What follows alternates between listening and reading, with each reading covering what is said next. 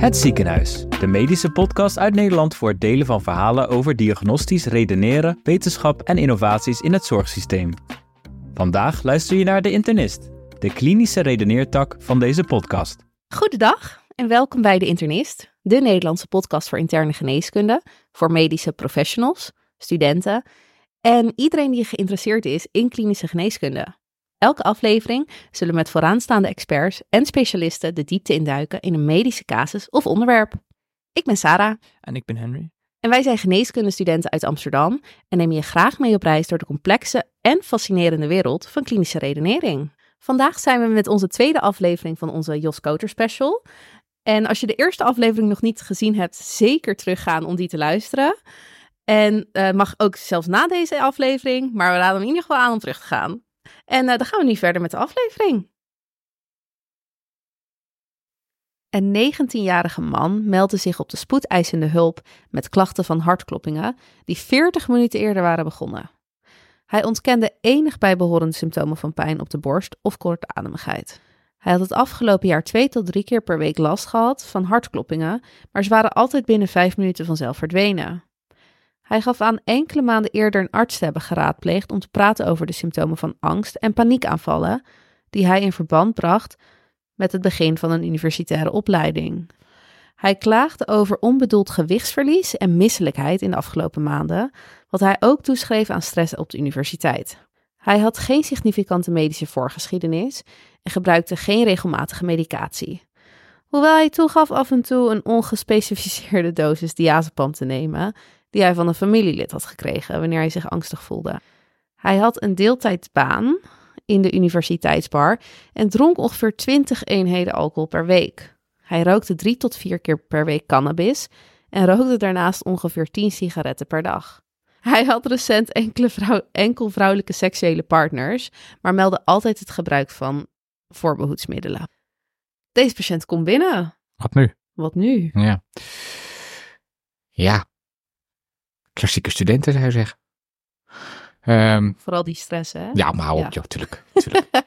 goed voor de luisteraars, geen stress. Alles, alles komt goed. Ook een studie geneeskunde. Valt best mee. Hij is 19, hè? Ja. ja.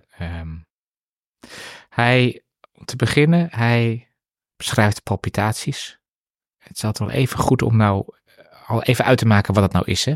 Palpitaties betekent eigenlijk gewoon het, het je bewust zijn van de hartslag. En we zijn nogal eens geneigd dat te associëren met tachycardie, dat het snel is.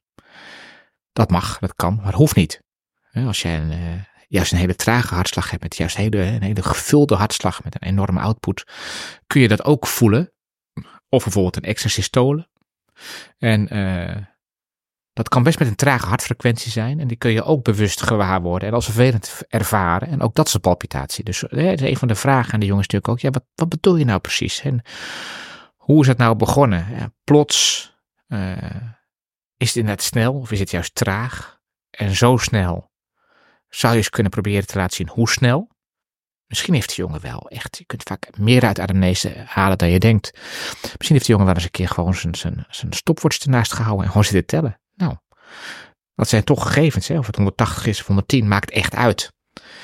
Um, of was het juist traag? Nou, dus eerst moet je even heel precies weten wat hij nou bedoelt met palpitaties. Daar begint het mee. Um, hij heeft al eens eerder gesproken over ja, anxiety en panic attacks.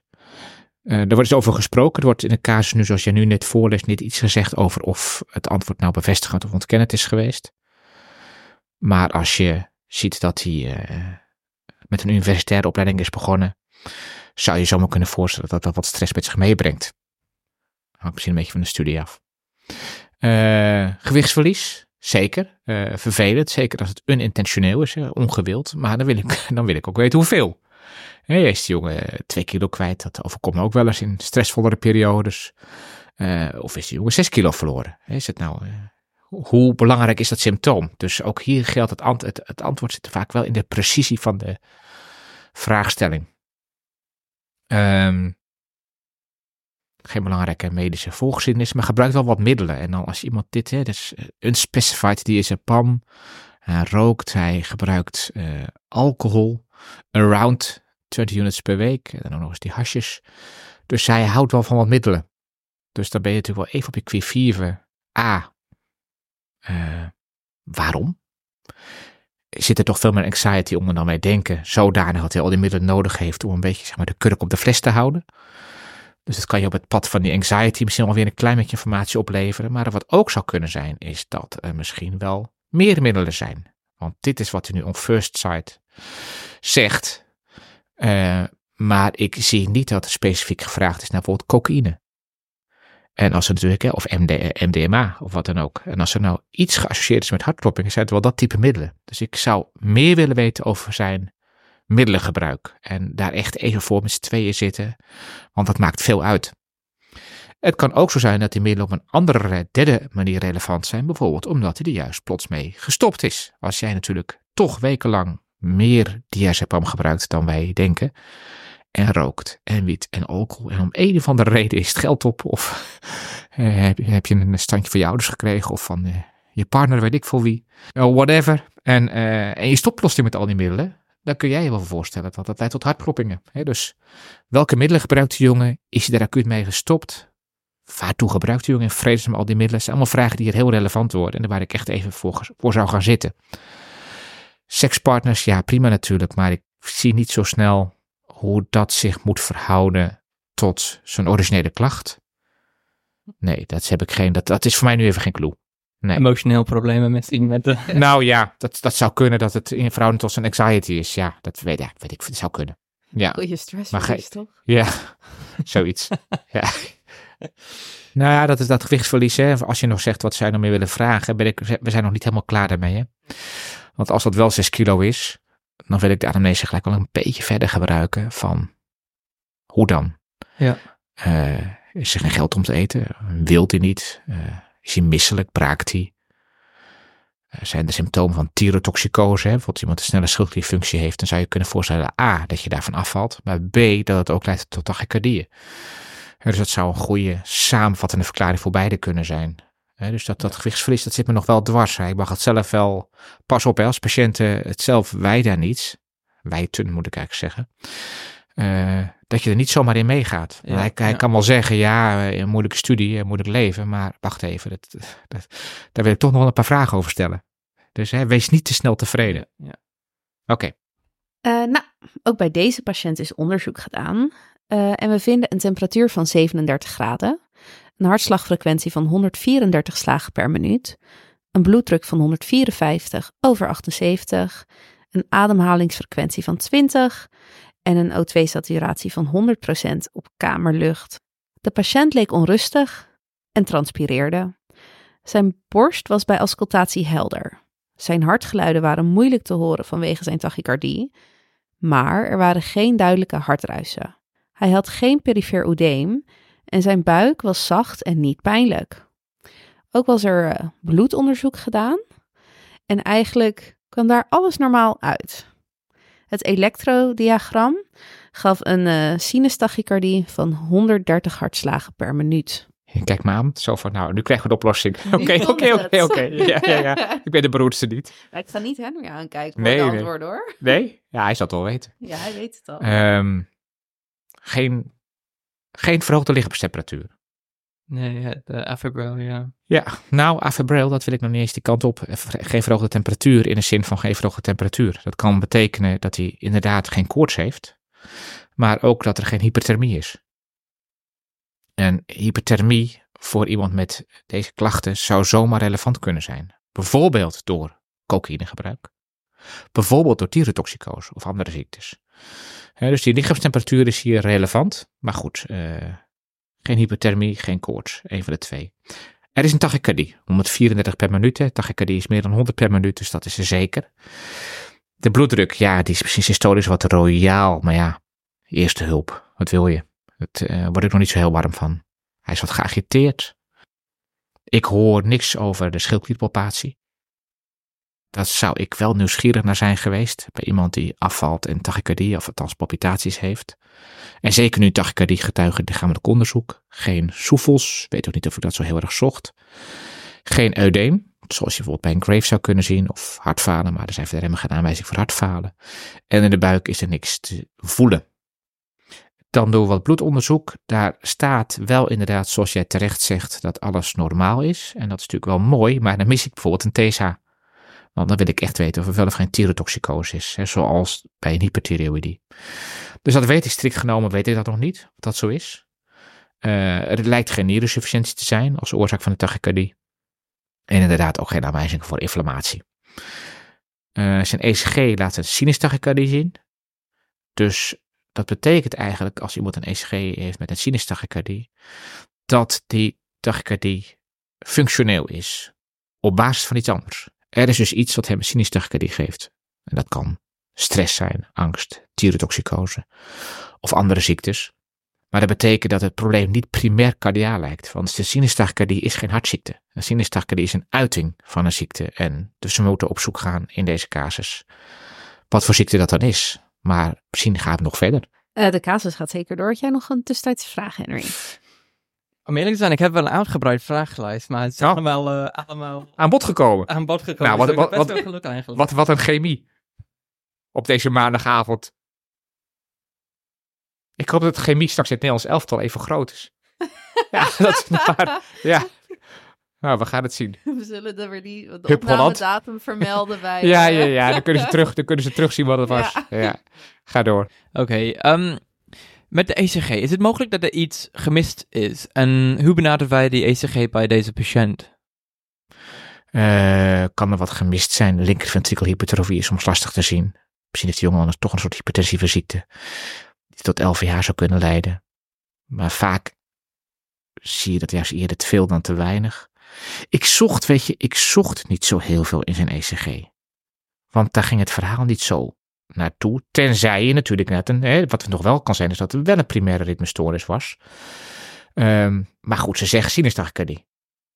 Is nog wel eens lastig, hè? Want je kijkt voor sinustachycardie naar de P-toppen. En daar moet dan wel goed naar gekeken zijn. Dat wil zeggen dat ze in, in onderwandsafleidingen de P-toppen eenzelfde afstand tot de QRS-complex hebben en naar boven gericht zijn. Positieve deflectie van de P-toppen. Als ze bijvoorbeeld negatief zijn in een onderwandsafleiding, heb je ook wel eens een atriumritme. Een, een ectopisch atriaal ritme. En dat is een ritmestoornis. Dus kan er wat fout gezien zijn? Ja, dan moet echt heel nauwkeurig naar het ECG gekeken zijn. eh, zodanig dat je kunt concluderen sinustachycardie. En niet bijvoorbeeld, soms kan een fluttergolf, als die heel die is altijd regelmatig 300 per minuut met een blok 2 op 1, waardoor de ventrikelfrequentie 150 is.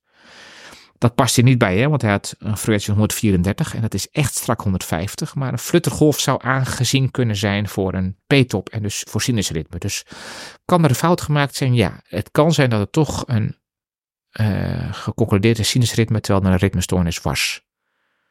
Zeker, dat zou nog kunnen. Maar ja, we hebben geen ECG hier. Dus eh, we moeten het maar geloven, denk ik. Ja, dat eh Ja, we geloven het, hè? Dat is altijd goed. een dag Ja. bij pech. Zeker. Eh, nou, en de, de casus gaat verder. Ja. Eh, de patiënt werd opgenomen onder eh, de cardiologische afdeling, of bij de cardiologische afdeling. En er werd hartmonitoring gestart. Zijn TSH-gehalte, waar u net zo heel nieuwsgierig naar was, Nou ja, die krijgen we nu. Ja. ja. die krijgen we nu. En die Normaal. lag binnen het normale bereik. Ja. En er waren geen klinische tekenen van schildklieraandoening. Dus ook die is nu bekend. Zijn hartslag was meestal 90 slagen per minuut. Maar hij had frequent episoden waarin hij last had van hartkloppingen. En er een sinustachycardie van 120 tot 160 slagen per minuut werden waargenomen. Deze episoden waren tegen de avond verdwenen. En de patiënt werd verzocht om naar huis te gaan. Of eh, de patiënt verzocht zelf omslag om naar, om, eh, om naar huis te gaan. Leuk hè, dat je die copy en paste straks mag doen, Henry. Eh, het cardiologisch team maakte zich echter zorgen dat zijn bloeddruk sinds eh, opname hoog bleef, met een gemiddelde bloeddruk van 154 over 96. Ondanks normalisatie van zijn hartslag en geen duidelijke angst. Hij werd met een afspraak voor polyklinische follow-up één week later ontslagen. Bij zijn bezoek aan de polykliniek werd opgemerkt dat de patiënt aanzienlijk verhoogde plasma methane, zo, Methanefridus. methanefrinespiegels had. Ja. Het woord ken je wel, want dat komt uit, dat nefrine komt eigenlijk ook van epinefrine. Ja. En epinefrine betekent hetzelfde eigenlijk als adrenaline, adren of epinefros, zijn allebei zeg maar bijnier. Ja. Ehm, ja, jeetje. Dat is eh, bijzonder, want zeer onalledaags. Daardoor hebben zij natuurlijk er een casus van gemaakt. Eh, de, de, de luisteraars moeten daar natuurlijk niet denken dat de meeste van deze patiënten vervolgens dit ziektebeeld hebben. We komen er zo over te spreken. Eerst de, de, de, de progressie van de casus. Jij zegt de patiënt wordt opgenomen op de cardiologieafdeling. En dat is gek. Waarom? Dus op zich. Waar zou u dan hem naartoe sturen? oh, eh, A, waarschijnlijk naar huis. B, als je opgenomen zou moeten worden, om welke reden dan ook, op een interne afdeling. Op zoek naar de onderliggende ziekte waar die sinustachydie van krijgt. Ja, dus feitelijk is de, de, de reflex klopt niet helemaal. Sinustachydie is geen cardiaal probleem. Dan is er dus nog steeds de vraag, wat speelt daar? Nou, de TSH is normaal, dat maakt een schildklierfunctiestoornis eigenlijk nagenoeg uitgesloten. hè. Dus dat eh, schildklierfunctiestoornis kun je in, in 999 van de 1000 gevallen op het spoor komen door een TSH-verandering. En dat is eigenlijk als het ware het feedbackmechanisme. Hoe reageert de hypofyse op het vrije T4 of vrije T3? Als dat normaal is, kun je bijna zeggen dat een schildklierziekte is uitgesloten. Bijna. Ehm, hij houdt wat palpitaties en heeft af en toe plotseling een sinustachydie. Nou, prima. Ehm, kan nog steeds zijn dat hetzelfde probleem speelt. Hè? Misschien is het nog steeds de cocaïne van vanochtend vroeg. Misschien is het nog steeds eh, zijn stress van het stoppen met de diazepam en de wiet die hij mist. Of eh, de studie waar hij van baalt. Eh, dat zou nog steeds allemaal kunnen. Dan vinden ze zijn bloeddruk wat vervelend. Die is dan 154, 96. Ja, nou ja, ik, vind het best streng. Ik zou bij iemand die nogal anxious was en in het ziekenhuis ligt op cardiologieafdeling op deze leeftijd, zou ik denken, ja, fair enough hè. 154, 96. Maar ja, zij, zij vielen erover en misschien, misschien wel achteraf terecht. Misschien ben ik daar te, te liberaal in. Ehm, ze prikken dan de metanefrines, blijkbaar. Er is dus ergens iemand die gedacht heeft aan een ziekte waarbij je catecholamines maakt. Dat eh, kan op twee manieren. Je kunt, we kennen de catecholamines vooral natuurlijk als eh, uit het bijniermerg. Als daar een ziekte zit die te veel catecholamines maakt, dan noemen we dat veochromocytoom. En dan een gekleurde tumor hè, van het chromos-type, zullen we zeggen, vaak een beetje geelbruinig. En als dat ook adrenerg is, maar buiten de bijnier, eh, in bijvoorbeeld in de sympathische ganglia, dan spreek je van een paraganglioom. En beide tumoren kunnen eh catecholamines maken.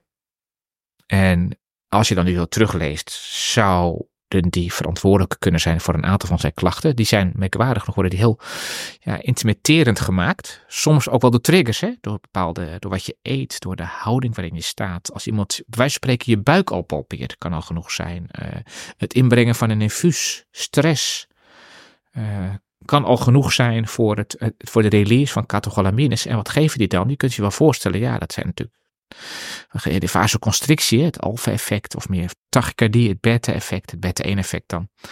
Eh, daar kun je van afvallen. Hè. En bij de differentiaaldiagnose van onbegrepen gewichtsverlies staat ook veel chromocytoom.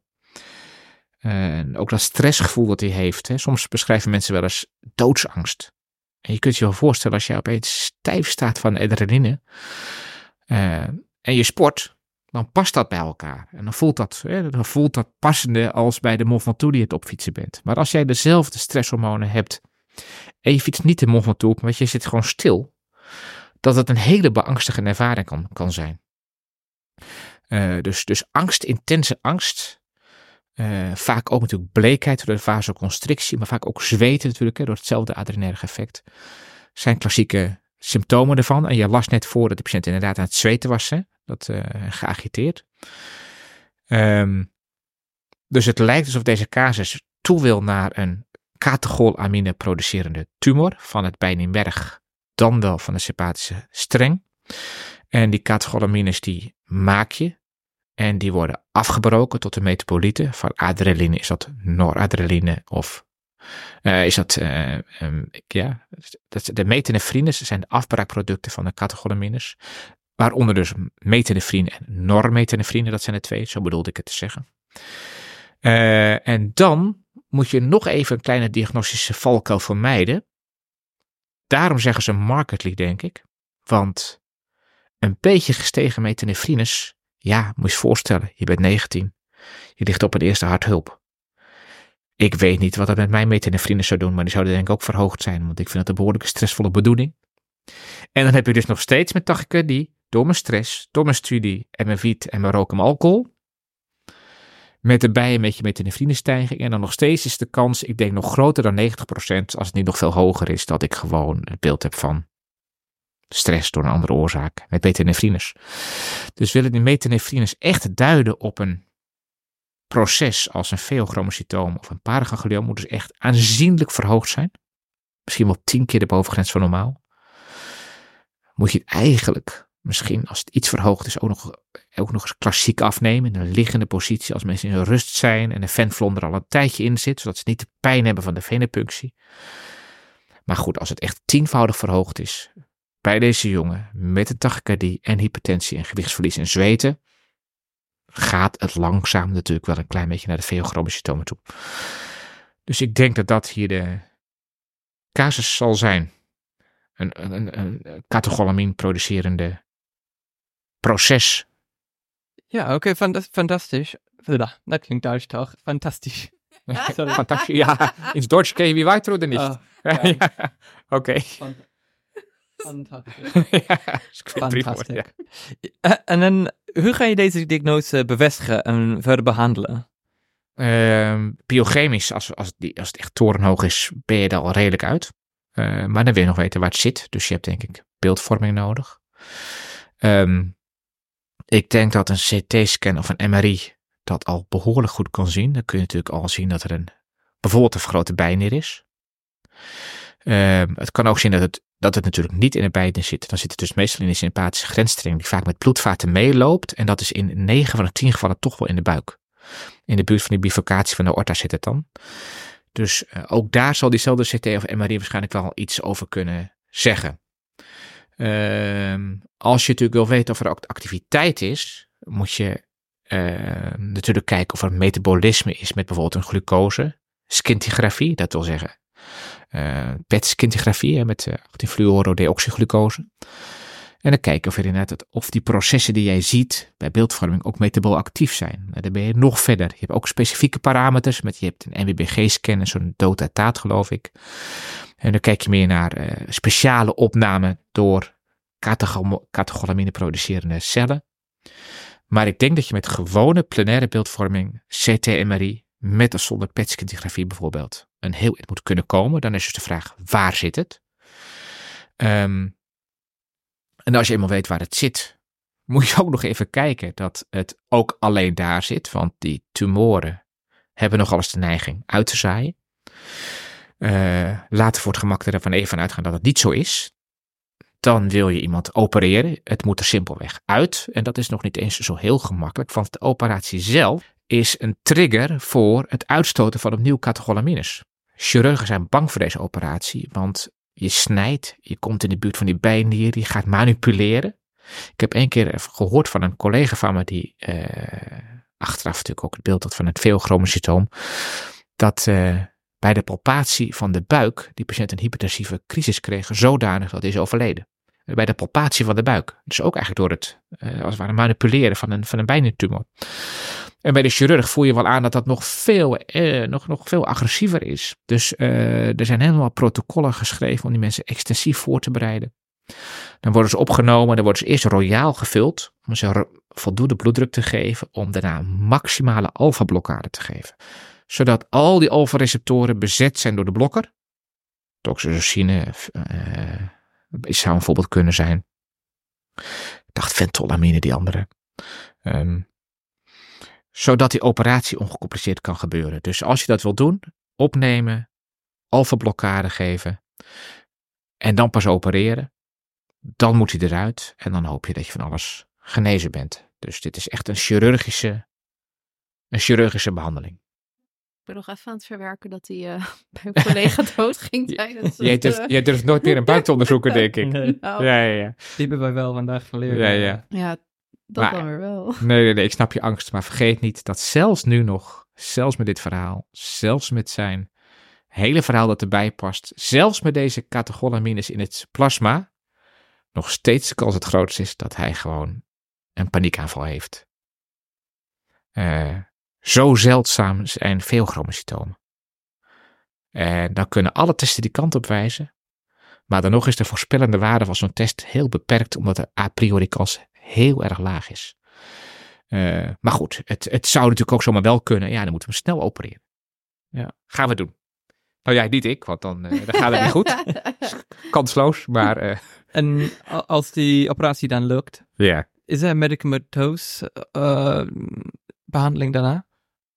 Nou ja, als die operatie lukt en dat was het probleem, ben je klaar. Oké, okay, dus gewoon normale niveau. Nou ja, geen... je kunt je voorstellen als jij natuurlijk uh, misschien wekenlang, maandenlang, jarenlang hebt blootgestaan aan hele hoge catecholaminespiegels. Uh, en je haalt het plotseling eruit dat je ook een beetje uitgeput bent. Uh, dus er zijn ook mensen die postoperatief, juist direct postoperatief, een hele lage bloeddruk kunnen krijgen. Soms zelfs een refractaire shock kunnen krijgen. Dus dit zijn mensen die moet je goed na de operatie monitoren en misschien zelfs agonisme geven. Misschien moet je deze patiënten juist na afloop wel een noradrenaline-infusie geven. Om als het ware een beetje terug te geven wat ze zoveel hadden. Um, als de jongen niet geopereerd zou kunnen worden en je wilt de ziekte zelf bestrijden, moet je natuurlijk vooral middelen geven die de alfa-receptoren en de beta-receptoren remmen. Dat kan met twee gescheiden middelen. Alpha, doxazocine. Beta, metoprolol voor mijn part. Of je geeft middelen waar ze allebei in al zitten, zoals bijvoorbeeld labetalol. Uh, dus dat zou je symptomatisch kunnen doen, bijvoorbeeld in afwachting van de operatie. En de combinatie tussen de twee voorkomt de hypertensive crisis, uh, risico op een hypertensive crisis. Ja, ja, dat is de bedoeling. Ik moet zeggen, het is echt heel fijn om gewoon in uw hoofd mee te kunnen kijken. Want het geeft een soort, ja, ik weet niet, inzicht wat ik gewoon niet van nature zou hebben erbij. En dat maakt het gewoon echt prettig. Jullie zien het, het, misschien wel een helder verhaal, maar ik zie ook veel chaos. Maak je geen zorgen. Nee, nee. Ik, um... ja. ik zie u af en toe zo nadenken en dan heb ik echt zo voor me dat er allemaal tabbladen zo overgaan. Van nou. ja, nou. nou. Ja, het is, wel, het is wel grappig, hè? Wat is dit niet waar? In zekere zin. Uh, wat je vertelde net, zo'n prijs gewonnen. En dan, dan krijg je studenten die, die willen dan complimenten geven. Nou, heel ontroerend natuurlijk. En dan zeggen ze nou een soort opgevallen boekenkast. Hè? Zo van gewoon enorm veel kennis. Dat vind ik eigenlijk niet eens zo'n compliment eigenlijk. Want het klopt ook niet helemaal. Um, moet je, ik stel me nou zo voor dat je een boom ziet. En aan die boom allemaal takken. En aan die takken duizenden blaadjes, miljoenen blaadjes, zodat die boom een prachtige groene boom is. En als je beginnend student bent en je kijkt naar die boom, dan zie je een boom. Dan zie je, dan zie je heel veel bladeren. En denk je, goh, die man of die vrouw, wie je maar voor je hebt, die heeft een enorme hoeveelheid kennis, die tot al die blaadjes leidt en die kan putten uit al die kennis en zo elke ziekte benoemen. En uh, dus die heeft gewoon als het ware heel veel feiten geleerd. En dat moet ik ook doen, denkt diegene dan. En dat grap is, dat is niet waar. Want het zit hem niet in het vergaren van heel veel feiten. Het zit hem in het ontwikkelen van een soort digotoom denken. In een soort van logisch denken. We hadden net de casus van hypernatremie, of laten we zeggen een casus met hyponatremie. Nou, dat is bij spreken zout te weinig of water te veel. Water te veel. Volgende tak, vertakking, water te veel, met of zonder ADH. Volgende tak, met ADH terecht, appropriate, of onterecht, inappropriate. Dus zo kun je gaandeweg, door steeds maar te denken, als het dat is, dan is het daarna dat of dat. Of drie dingen. Dan ben je als het ware een boom aan het creëren met takken. En als je maar genoeg takken hebt, dan groei je daar vanzelf al die. En dan kan ik vervolgens al die blaadjes daar aan gaan hangen. Want ik heb gewoon, ik draai twintig jaar mee in de kliniek. Dus ik heb al die blaadjes heb ik aan die takken kunnen hangen waar ze bij horen. Dus ik heb niet al die blaadjes één voor één te verzamelen. Ik heb, ik heb mezelf geprobeerd te, vertakken. En dat, dat is voor een deel gelukt, maar dat lukt jullie ook. En dat kan een, een student geneeskunde ook, die nu zit te luisteren. Als je jezelf maar aanleert logisch over problematieken na te denken, dan komen die blaadjes vanzelf wel in de loop der jaren. Die hoef je ook na het afstuderen als arts echt niet te kennen. Dan heb je nog maar een heel beginnend boompje met een paar blaadjes en er komt er elke dag komt er een blaadje bij. Maar de crux van medisch denken zit hem dus niet in het verzamelen van blaadjes. De crux van medisch denken zit hem in het ontwikkelen van vertakkingen aan een boom, zodat die blaadjes kunnen groeien. En dat is ook een veel leukere manier van denken, want dan kun je logisch nadenken over problematiek in plaats van een laadje opentrekken wat hier dan allemaal weer bij past. Het is, het is geen verzamelding, het is een vertakt ding. En dat, wou ik even kwijt, geloof ik. Ja, ik vind het echt een prachtige metafoor die jullie gebruikt. En het maakt de komende tien jaar ook een stuk minder deprimerend om er op die manier Oh, wat fijn. te denken. Dat ik niet hoef te denken, ik moet alle blaadjes verzamelen. Maar Alsjeblieft dat niet het, zeggen. ehm, Maar daar word, je, daar word je echt gek van. ik denk dat dat de angst is van heel Daar veel word je gek van. Daar word je gek van. Dat je denkt, je moet al die ziektes kennen. Nee joh, moet je helemaal niet kennen. Je moet, een beetje, je moet weten hoe dingen werken. Je moet dingen, en, en dan komen de ziektes vanzelf wel. Die, die kom je tegen. In het ziekenhuis. En als je op het, in het, naast een bed hebt gezeten van iemand met een veochromocytoom. Of je hebt naast het bed gezeten van iemand met, wat hadden we net, een natrium 178. Vergeet je niet meer. Dus dat komt vanzelf wel. Daar moet je niet voor gaan stressen. Daar moet je niet voor tot diep in de nacht de boeken ingaan. Ik denk wel problematisch is, ik ben helemaal met u eens, maar dan, eh, in onze toetsen, wij krijgen vragen zoals, hoe lang is een zakken meer? Ja, en dan snap denk ik, oké, dan onze leerproces ideaal, maar Ja. dan in de praktijk. Nee, ja, je hebt, je hebt ook al gelijk. Jij zegt natuurlijk, ja, eigenlijk zeg jij, je hebt makkelijk praten. Ja. En dat is natuurlijk, ik heb dezelfde toetsen moeten maken. Ja. En het is denk ik, zo moet je het ook zien. Het is natuurlijk wel goed dat je een basiskennis hebt die uit een x aantal feiten bestaat. Eh, en waarschijnlijk veel meer feiten. Ik denk misschien wel twintig keer meer dan je ooit nodig zult hebben. Misschien is het ook wel een beetje een soort selectie. Wie, wie kan dit, weet je wel? Ja. Ja, je moet, ook, je moet natuurlijk ook wel een beperkt aantal artsen overhouden. Maar als je maar realiseert, het is niet de manier waarop je uiteindelijk gaat werken. Je gaat dan niet, je gaat dan niet uit al die feitjesboxen plukken. Je gaat werken door gewoon te luisteren naar een verhaal, een patiënt te onderzoeken en alleen maar na te denken, wat voor soort proces is hier gaande? En die ziektes die komen er vanzelf wel bij. Het valt echt best mee. Sterker nog, het is echt leuk. Dat geloof ik. Ja, zeker, ja. Ik ben Oké. overtuigd. Goed. Ehm, Chest pain zie ik hier staan. U hoort het al even. Ehm chest pain, ja. Want volgende week hebben wij de casus van een eh, jonge man met hartklachten. Of in ieder geval pijn op de borst, zoals we dat natuurlijk medisch moeten noemen. Dus we hopen dat jullie onwijs van deze aflevering genoten hebben. Wij in ieder geval wel. En volgende week eigenlijk net zoveel genieten, want we gaan door met Jos, aflevering 3 van de 4. Tune in. Bedankt voor het luisteren. Als je hebt genoten van deze aflevering, like en deel met je vrienden en collega's. Wij zijn ook te vinden op LinkedIn en Instagram. Zoek maar op het Ziekenhuis Podcast. En eh, tot de volgende keer.